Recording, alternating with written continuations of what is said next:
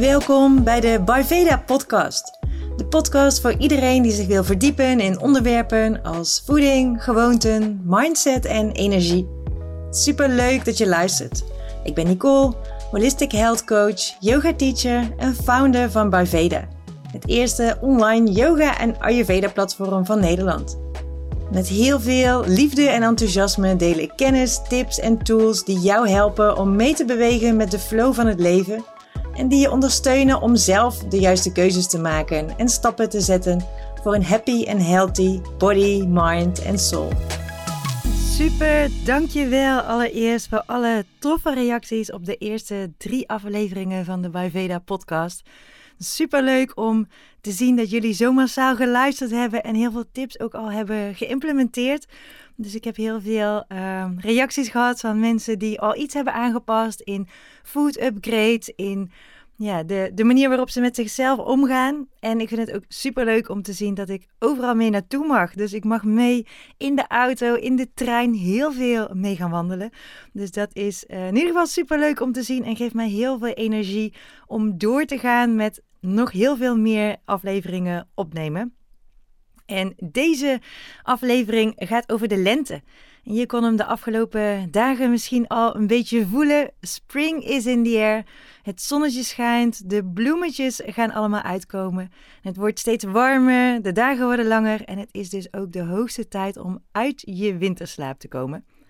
De lente is namelijk het seizoen waarin we switchen van de wat zwaardere yin-energie naar de, van de winter naar de lichte yang-energie van de zomer. En dat is eigenlijk precies hoe de natuur altijd werkt, hoe de natuurlijke cyclus altijd werkt. Dus de natuur werkt cyclisch, eh, waarbij actievere en passieve periodes elkaar afwisselen. Dus periodes van licht en donker, maar ook ja, periodes van ja, wat meer inspanning en wat meer ontspanning. En dat is eigenlijk precies wat nodig is voor balans. Dus als de natuur altijd maar door zou blijven groeien, dan zou je tuin er binnen no time uitzien als een jungle. Die helemaal ontploft is. En zelfs in de jungle uh, zie je dit proces eigenlijk wel een beetje terug ook. Want als, ook als daar alles heel hard groeit, um, dan wordt het steeds donkerder en gaan er ook weer dingen afsterven die weer voor licht zorgen. Dus ook daar zorgt de natuur eigenlijk steeds weer voor balans. En in Nederland en de rest van Europa is het allemaal wat makkelijker te zien. Dus in de herfst laten de meeste bomen hun blaadjes los om daar geen energie meer aan te verspillen. Dus alle energie wordt zoveel mogelijk bewaard en opgeslagen en in die wortels gestopt. Dus er wordt echt gefocust op grounding. Ja, en dat is eigenlijk ook precies wat wij doen, of in ieder geval zouden moeten doen in de herfst. Vaak doen we dat van nature ook wel hoor, door ja, wat meer zwaarder te gaan eten bijvoorbeeld. Hè. Denk aan stampotjes of stevige pompoensoep. Ja, waarom begin je nu over de herfst, denk je misschien? Deze aflevering gaat toch over de lente? Uh, en dat is ook zo. Maar voorjaarsmoeheid, is een, iets wat heel veel mensen hebben in deze periode van het jaar, die ontstaat dus vaak hier al, in de herfst. En dat komt allemaal doordat we eigenlijk niet voldoende die seizoenen volgen en we steeds maar door blijven racen in die vijfde versnelling. Ja, terwijl we eigenlijk iets meer zouden moeten vertragen en in de herfst- en de winterperiode die energie wat meer naar binnen zouden moeten richten. Ja, en dat is iets wat sowieso wel een dingetje is in onze maatschappij. Dus ja, we hebben het idee dat we altijd evenveel energie hebben en op dezelfde manier zouden moeten functioneren. Maar dat is niet zo. Dus wij werken net als de natuur cyclisch, waarbij je energielevels afhankelijk zijn van heel veel factoren. dus bijvoorbeeld van de seizoenen, van de stand van de maan, van de tijd van de dag en ja, misschien ook als je vrouw bent van jouw vrouwelijke cyclus. Dus we hebben bijvoorbeeld standaard veel meer energie in de zomer, overdag, bij volle maan en tijdens de ovulatiefase van je cyclus. En we hebben veel minder energie s'nachts in de winter, tijdens de nieuwe maan en tijdens de menstruatiefase van je cyclus. En door tegen die cyclus in te werken, als het ware, en jezelf te pushen op momenten die eigenlijk vragen juist om rust en vertraging, dan zwem je als het ware tegen de stroom in. En ja, dat kost niet alleen heel veel energie, maar het brengt je ook niet zo ver. Ja, het mooie aan Ayurveda is dus dat je leert om mee te bewegen met de flow van het leven, dus met de seizoenen en de andere cycli van de natuur. En het zou eigenlijk bijvoorbeeld ook heel logisch zijn als we in de zomer eerder opstaan en misschien 7 of 8 uur per dag werken, terwijl we in de winter best iets langer mogen blijven liggen en ja, het misschien heel normaal zou zijn om maar 5 of 6 uur per dag te werken. En ja, dat is natuurlijk iets wat vroeger ook veel meer gebeurde in de tijd dat er nog geen licht was, dat de gloeilamp nog niet was uitgevonden. Ja, dan moesten we wel, omdat we simpelweg niks meer zagen in het donker. Dus er was minder tijd waarin we dingen konden doen, waarin we konden werken. Dus deden we vanzelf ook iets minder. Nou goed, terug eh, naar die boom. Ehm, ik ben een beetje afgeleid. Die boom, ehm, ja, die laat dus zijn blaadjes los om weer ruimte te maken voor nieuwe blaadjes in de lente. En ja, de lente kan je eigenlijk dus ook zien als het nieuwjaar van de natuur. Het is al die energie die is opgeslagen in die boom, in die wortels. Die switcht langzaam, die gaat langzaam weer naar buiten. Alle zaadjes die eerder geplant zijn, die komen uit en alles gaat weer stromen, groeien en bloeien. En datzelfde gebeurt eigenlijk in je lichaam. dus ook in je lichaam gaat alles weer stromen. En dat kan zorgen voor typische lenteklachten. Dus denk bijvoorbeeld aan verstopte neus, heel veel slijm, het vasthouden van vocht en ook een heel zwaar gevoel. Maar ook bijvoorbeeld allergieën zoals hooikoorts, jeuk en huiduitslag zijn vaak allemaal ja, net iets meer aanwezig in deze periode van het jaar. En je kan het eigenlijk een beetje vergelijken met sneeuw of ijs dat smelt in de zon. Uh, als er heel veel ijs is dat heel snel smelt, dan kan dat leiden tot een enorme overstroming. Dus we proberen dat een beetje te reguleren. En eigenlijk doen we dat al door vanaf januari wat aanpassingen te doen in voeding en in lifestyle. Januari is het moment dat we ons meestal fysiek en mentaal het zwaarste voelen. De dagen zijn dan het kortste en na de gezelligheid van de feestdagen en heftige kerstdiners is er dan in één keer die donkerte en leegte van januari. Het is niet voor niks de most depressing time of the year. De lente lijkt dan nog heel ver weg. Er zijn geen leuke dingen meer. Gelukkig zijn er nog af en toe nieuwjaarsborrels om nog elkaar te zien. Maar het is, het is ja, best wel een uitdagende periode, januari. En vaak lukt het naar binnen keren en reflecteren, wat eigenlijk heel erg past bij de energie van de winter. Aan het einde van het jaar nog best wel goed. Maar in januari ja, dan willen we eigenlijk toch heel snel, heel hard vooruit. Dus we rennen dan ook massaal naar de sportschool om daar uh, heel hard te knallen en dat vaak een paar weken later ook alweer op te geven. Ja, en ik geloof daar dus ook niet zo in, in die hele heftige aanpak. Dus ik ben veel meer van een wat geleidelijkere aanpak. Het is food upgrade om het gezonder te eten. Simpelweg iets meer bewegen en langzaam meer lichtheid toevoegen. Dus daarmee kan je die zwaarte van de winter in balans brengen en hoe je dat doet, uh, die lichtheid toevoegen. Een van de manieren waarop je dat kan doen is door minder en makkelijker verteerbare maaltijden te koken. Want zo simpel is het eigenlijk. Hè? Dus werken met tegenstellingen zorgt voor balans. Dus is er heel veel zwaarte in je lichaam of in je mind, voegt dan meer lichtheid toe. dus dat, die lichtere maaltijden kunnen heel erg helpen om ja, die zwaarte een beetje meer achter je te laten.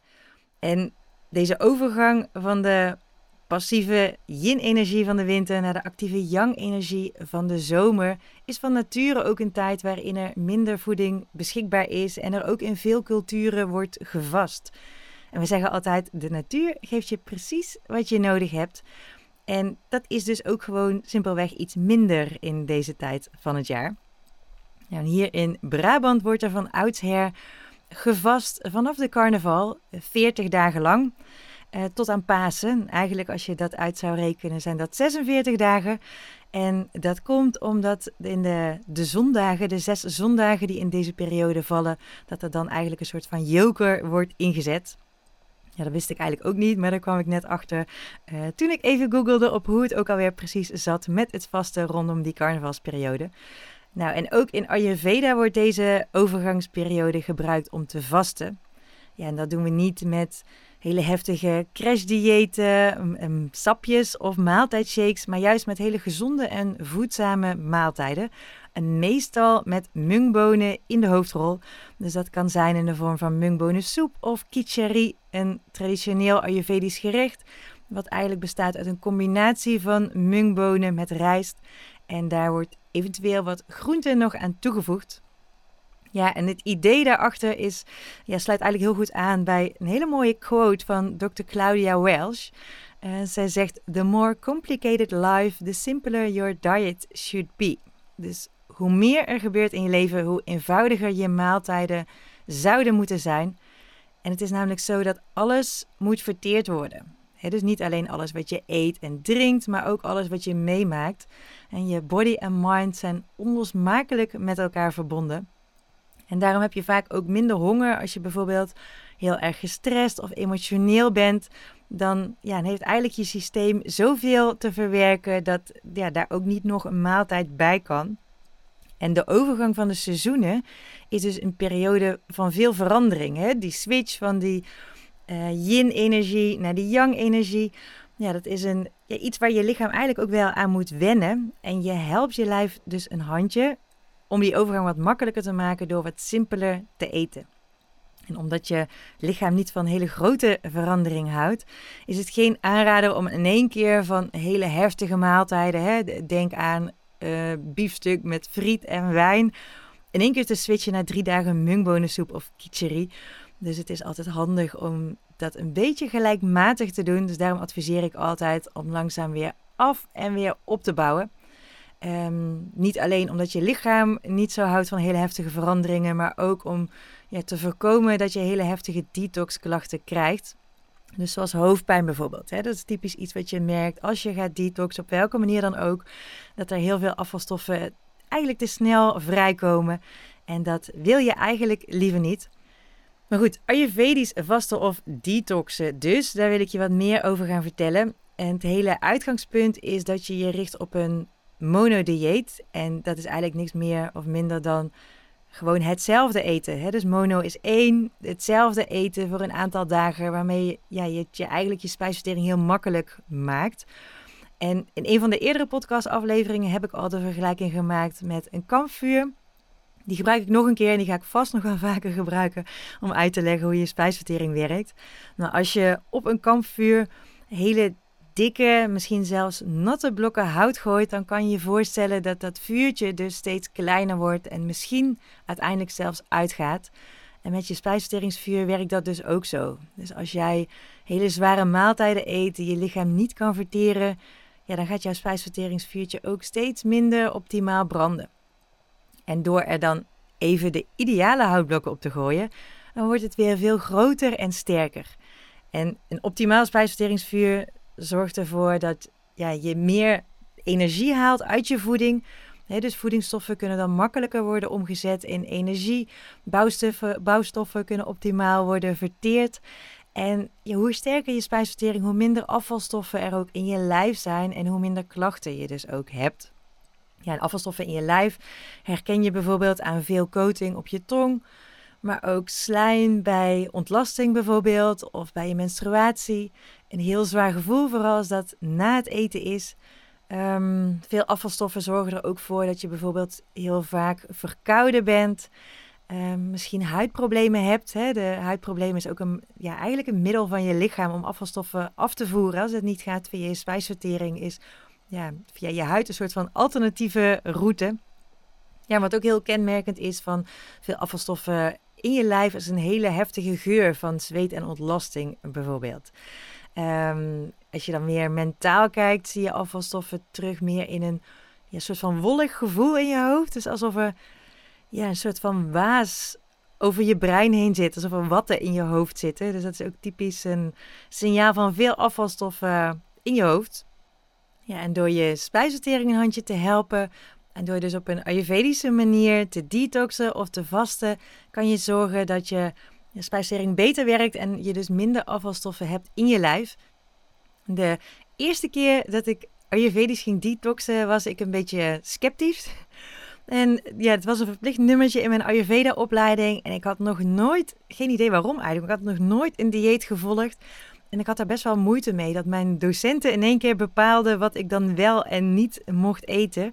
En mentaal is dat ook best wel een uitdaging. Als je echt hè, op die Ayurvedische manier gaat detoxen. Er zijn heel veel alternatieven, ga ik je zo meteen inderdaad ook iets meer over vertellen. Maar als je dat doet inderdaad met een monodieet van drie dagen lang mungbonen. Ik heb dat zelf dus uh, de eerste keer gedaan met mungbonensoep drie dagen lang. Ja, dat is vooral mentaal wel een uitdaging. Hè? Dus ik raak heel snel verveeld. En als je dan drie dagen hetzelfde eet, dan is dat best wel zwaar. Dus vooral die tweede dag vind ik altijd uh, mentaal ook heel zwaar. En zeker als er, zoals in mijn geval, iemand tegenover je zit die daar niet aan meedoet, maar die gewoon zijn eigen dingen eet. Ja, dan is alles wat anders is dan mungbonen in één keer wel heel erg uh, interessant. Ja, die tweede dag is dus het zwaarste. Ja, ik denk omdat je de derde dag, ja, de derde dag zou eigenlijk het zwaarste moeten zijn misschien, maar dan weet je dat het al de laatste dag is. Dus dat maakt het altijd een beetje makkelijker. Drie dagen is op zich dus ideaal. Um, ja, wat, wat ook wel heel interessant is, dat als je dat dus doet, die drie dagen een monodieet, en je mag daarvan zoveel eten als je wil, dus je hebt geen honger. En je komt er vooral achter dat je eigenlijk heel vaak geen honger hebt, maar simpelweg trek hebt of behoefte hebt aan afleiding. Want ja, je mag dus zoveel eten als je wil. En dan, ja, ik merkte dan zelf ook van, ja, oké, dan heb ik eigenlijk wel zin in iets. Maar ja, ik mag alleen mungbonen. Ja, dan, ja, blijkbaar laat dan toch maar of zo. Dus eigenlijk was het dan geen honger, maar is het vooral trek in iets. Ehm, maar goed, die drie dagen, ik heb ze volgehouden die eerste keer. Het was zwaar en ehm, ja, ik voelde me vooral echt heel goed. Ik was echt heel erg onder de indruk van ja, hoeveel meer energie ik had. En echt het gevoel alsof ik een dikke winterjas had uitgedaan. Dus ik kreeg ook echt het gevoel dat ik wilde huppelen door de tuin, weet ik nog. Dus ja, dat, best wel, dat gevoel was best wel een beetje verslavend. Waardoor ik ook meteen dacht van oké, dit moet ik met meer mensen gaan delen. Dit is echt heel erg gaaf.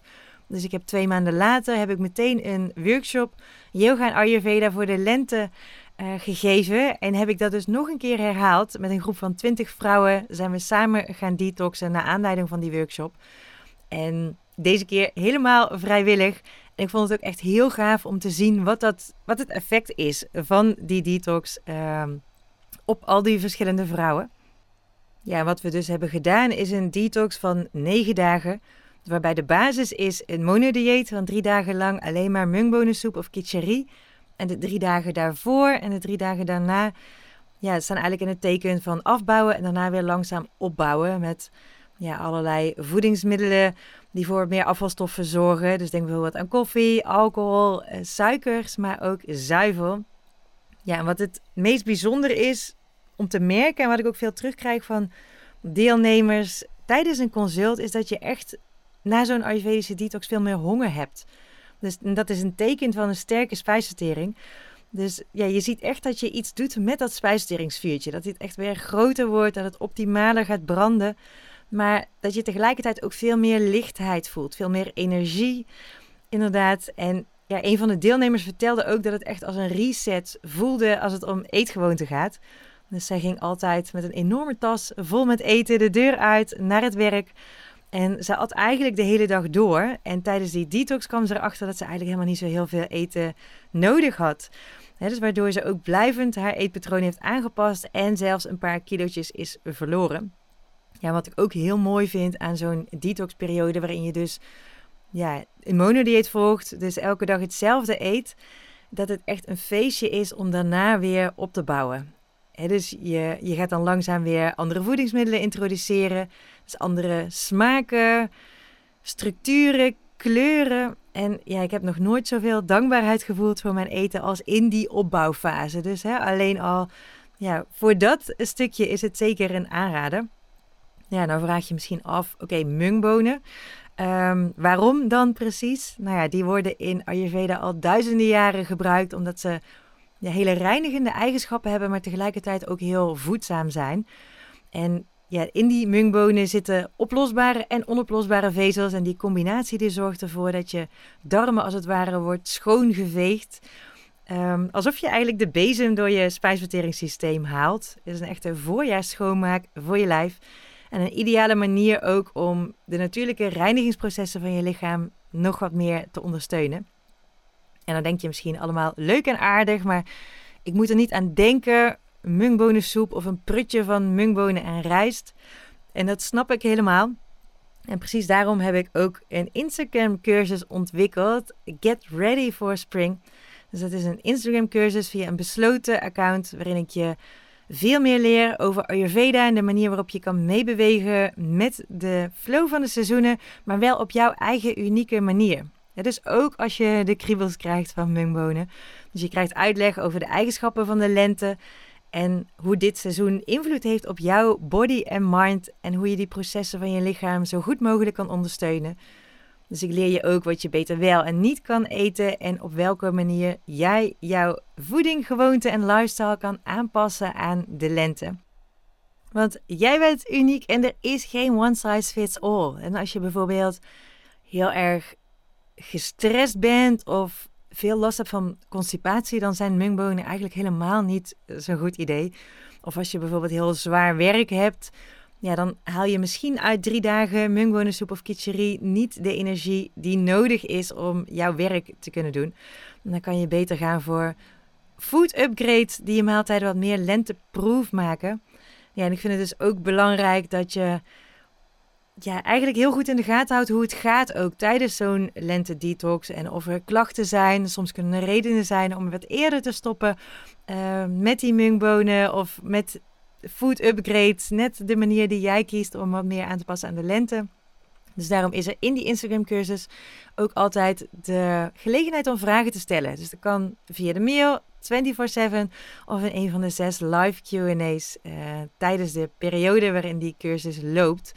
Ja, dan heb je helemaal geen zin om je zo uitgebreid in Ayurveda en de lente te verdiepen. Dan heb ik alvast vijf tips voor de lente voor je.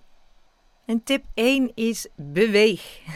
En dat hoeft geen hardcore hit training te zijn of een diehard Ashtanga yoga practice. Alle beetjes helpen. dus zeker als je heel zwaar voelt, dan ja, kan je beter een klein bewegingsmoment kiezen. dus loop een blokje om. Kies voor een hele korte yogales of doe simpelweg een dansje in de kamer.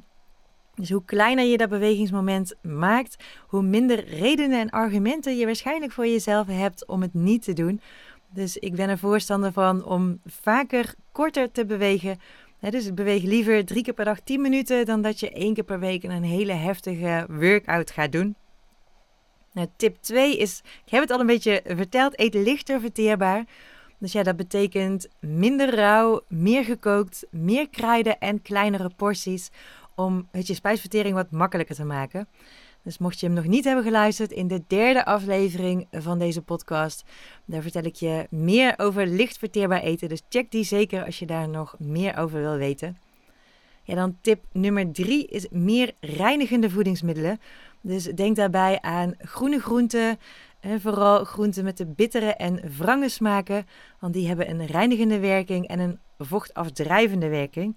dus uh, bijvoorbeeld brandnetel, spinazie, asperges, paardenbloem, bleekselderij, maar ook artichok zijn hele goede opties voor de lente. En tip nummer 4, dry brushen. Droog borstelen in het. En het is mijn favoriete selfcare ritueel voor de lente. En een hele fijne manier om je lichaam te helpen om afvalstoffen af te voeren. Dus ik heb uh, dry brushen ontdekt, ik denk een jaar of tien geleden. Er was een boek en dat ging over detoxen en daar kwam het in voor. En ik hoorde van een vriendinnetje dat haar moeder het had uitgeprobeerd. En die was er heel erg enthousiast over. Die kreeg echt een veel betere huid. Dus ik ben het toen ook gaan proberen. En ik merkte vooral dat ik er heel veel meer energie voor krijg. Dus ideaal voor de lente. Dus ja, wat je eigenlijk doet is dat je met een borstel over je lijf heen wrijft. Over je huid heen wrijft. Um, in een, in een video laat ik zien, in de Insta-cursus laat ik heel gedetailleerd zien hoe je het doet. Maar het is eigenlijk heel simpel. Hè? Dus belangrijk is in ieder geval dat je borstelt van de uiteinden van je lichaam meer naar het centrum. Dus van je handen en je voeten meer naar je romp, eigenlijk meer richting je hart. Dus je stimuleert vooral ja, je lymfesysteem. Dus je borstelt ook richting de lymfeknooppunten. En die vind je bijvoorbeeld aan de achterkant van je knieën, in, de in je liezen, maar ook in je oksels. Dus borstel daar, uh, borstel daar naartoe. En uh, ja, het beste kan je dat dus doen ook ochtends. Want ochtends is ook het moment dat je jezelf sowieso wat meer wil activeren. Dus dat kan je doen inderdaad voordat je in de douche staat. Misschien in de douche zelf, want dan komen ook uh, oude huidcellen die komen los. Um, dus dan kan je die meteen even wegspoelen. En ja, heb je een hele droge huid, dan kan het wel fijn zijn om daarna ook even tussen het douchen en het droogborstelen in jezelf even met een beetje olie in te smeren om te zorgen dat ja, die huid niet al te droog wordt. Ja, dan tip nummer 5, en dat is misschien wel de allerbelangrijkste. Observeer je eigen lichaam en de eigenschappen van je lichaam. Dus ondanks dat iedereen in deze tijd van het jaar wat meer van de elementen water en aarde uh, heeft, hè, meer dan in andere delen van het jaar, andere momenten van het jaar, wil dat niet zeggen dat die elementen, water en aarde, die samen Kapha-dosha vormen, dat, ja, dat ook precies de elementen zijn die op dit moment in jouw body en mind het meeste aandacht nodig hebben. Of uit balans zijn. Hè? Misschien heb jij een enorme vata-disbalans, dus heb jij heel veel onrust, heel veel stress. Dan mag jij juist veel focussen op grounding en meer voedende maaltijden kiezen dan de reinigende maaltijden die we eigenlijk standaard wat meer gaan eten tijdens de lente. Nou ja, dat kan soms best wel een beetje een puzzel zijn van ja, wat heb je nu precies nodig? Ja, en dat is dus ook precies de reden waarom ik jou help om ja, te kijken wat bij jou past. Uh, en hoe jij ja, op een ideale manier je voeding en lifestyle kan aanpassen aan de lente. Ja, en wil je veel meer leren over Ayurveda, over de lente, over ja, de eigenschappen van het seizoen? Maar ook bijvoorbeeld um, recepten krijgen voor de lente, yogalessen, ademhalingsoefeningen volgen, self-care tips die ideaal zijn voor de lente. Check dan zeker heel even de Instagram cursus. Ik zal het linkje opnemen in de show notes van deze aflevering. Ja, dat is dus ook een manier om ja, dat, dat detoxen, dat Ayurvedisch detoxen, of dat je dat nu heel intensief maakt met mungwonen of kitcherie, of wat kleiner door een aantal voetaanpassingen te doen. Maar het kan dus heel fijn zijn om dat samen te doen, om elkaar ook te inspireren, om te weten dat je dat niet alleen doet, om ook te kijken wat het effect is bij anderen. Ja, en bij die Instagram-cursus gaat dus via een besloten Instagram-account krijg je ook een e-guide met ja, informatie en recepten. En die kan je eigenlijk gewoon elk jaar weer opnieuw gebruiken. Dus er zijn mensen die in 2020 de, de eerste workshop hebben gevolgd, die nog steeds inderdaad uh, ja, de e-guide die ze daar toen bij kregen. Inmiddels is daar een geüpdate, verbeterde versie van. Maar die die nog steeds gebruiken om gewoon ja, elk jaar dat weer opnieuw te doen. Ja, en wat je eigenlijk doet daarmee met die Instagram cursus is jouw toolbox vullen met allemaal tips om je spijsvertering te boosten. Dus voor een gezond gewicht, een gezonder lichaam en meer scherpte en helderheid in je hoofd. Ja, en mocht je vragen hebben over de Instagram cursus, willen weten of dat, dat ook geschikt is voor jou, uh, stuur me dan vooral een berichtje en hou zeker ook mijn Instagram in de gaten voor meer tips voor de lente. Dankjewel voor het luisteren. Vond je deze podcast waardevol? Laat me dan vooral weten via een berichtje op Instagram. Ik ben heel erg benieuwd wat je van deze podcast hebt geleerd. En heb je vragen of een onderwerp waar je graag meer over zou willen horen? Let me know. Misschien kan dat een onderwerp zijn voor een van de volgende afleveringen. Super lief als je de podcast deelt op social media of doorstuurt naar iemand die hier ook inspiratie uit kan halen. Je helpt me enorm door een review achter te laten. En abonneer je op deze podcast als je geen aflevering wil missen. Een hele fijne dag nog en heel graag tot een volgende aflevering.